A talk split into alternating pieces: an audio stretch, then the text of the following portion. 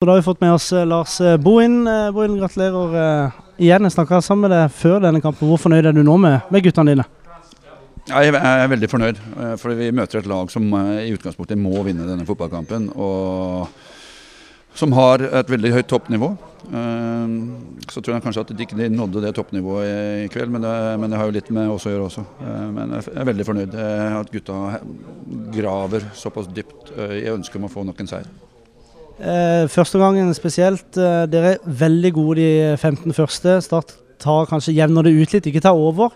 Eh, og Så kommer det en pause, hos oss, tar Start over. Hvordan, eh, hvordan ser du spesielt andre omganger?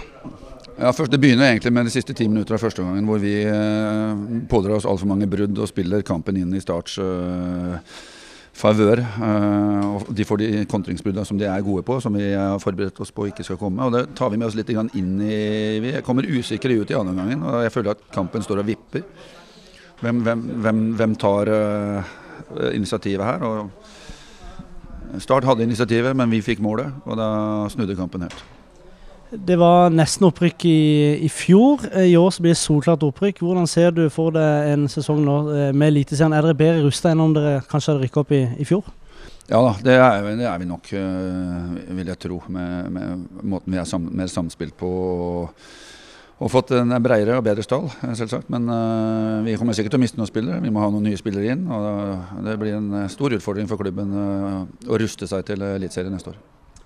Helt til slutt, eh, Start blir nok mest sannsynlig kvalik på de. Er det et lag du som trener ser at eh, Start har bedre sjanse for å slå, av de som kan havne på, på kvalik, fra trenerperspektiv? Jeg vet ikke.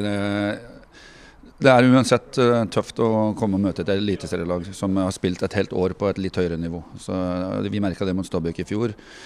Eh, Det var jevnt, men øh, de klarte å vippe den i sin favør. Det, det, det blir tøft uansett om de skulle, altså kommer de i kvalik, så blir det Og ikke minst den perioden hvor de må vente i nesten tre uker, tre- tre-fire uker på å spille en konkurransekamp. Den, øh, den er litt spesiell.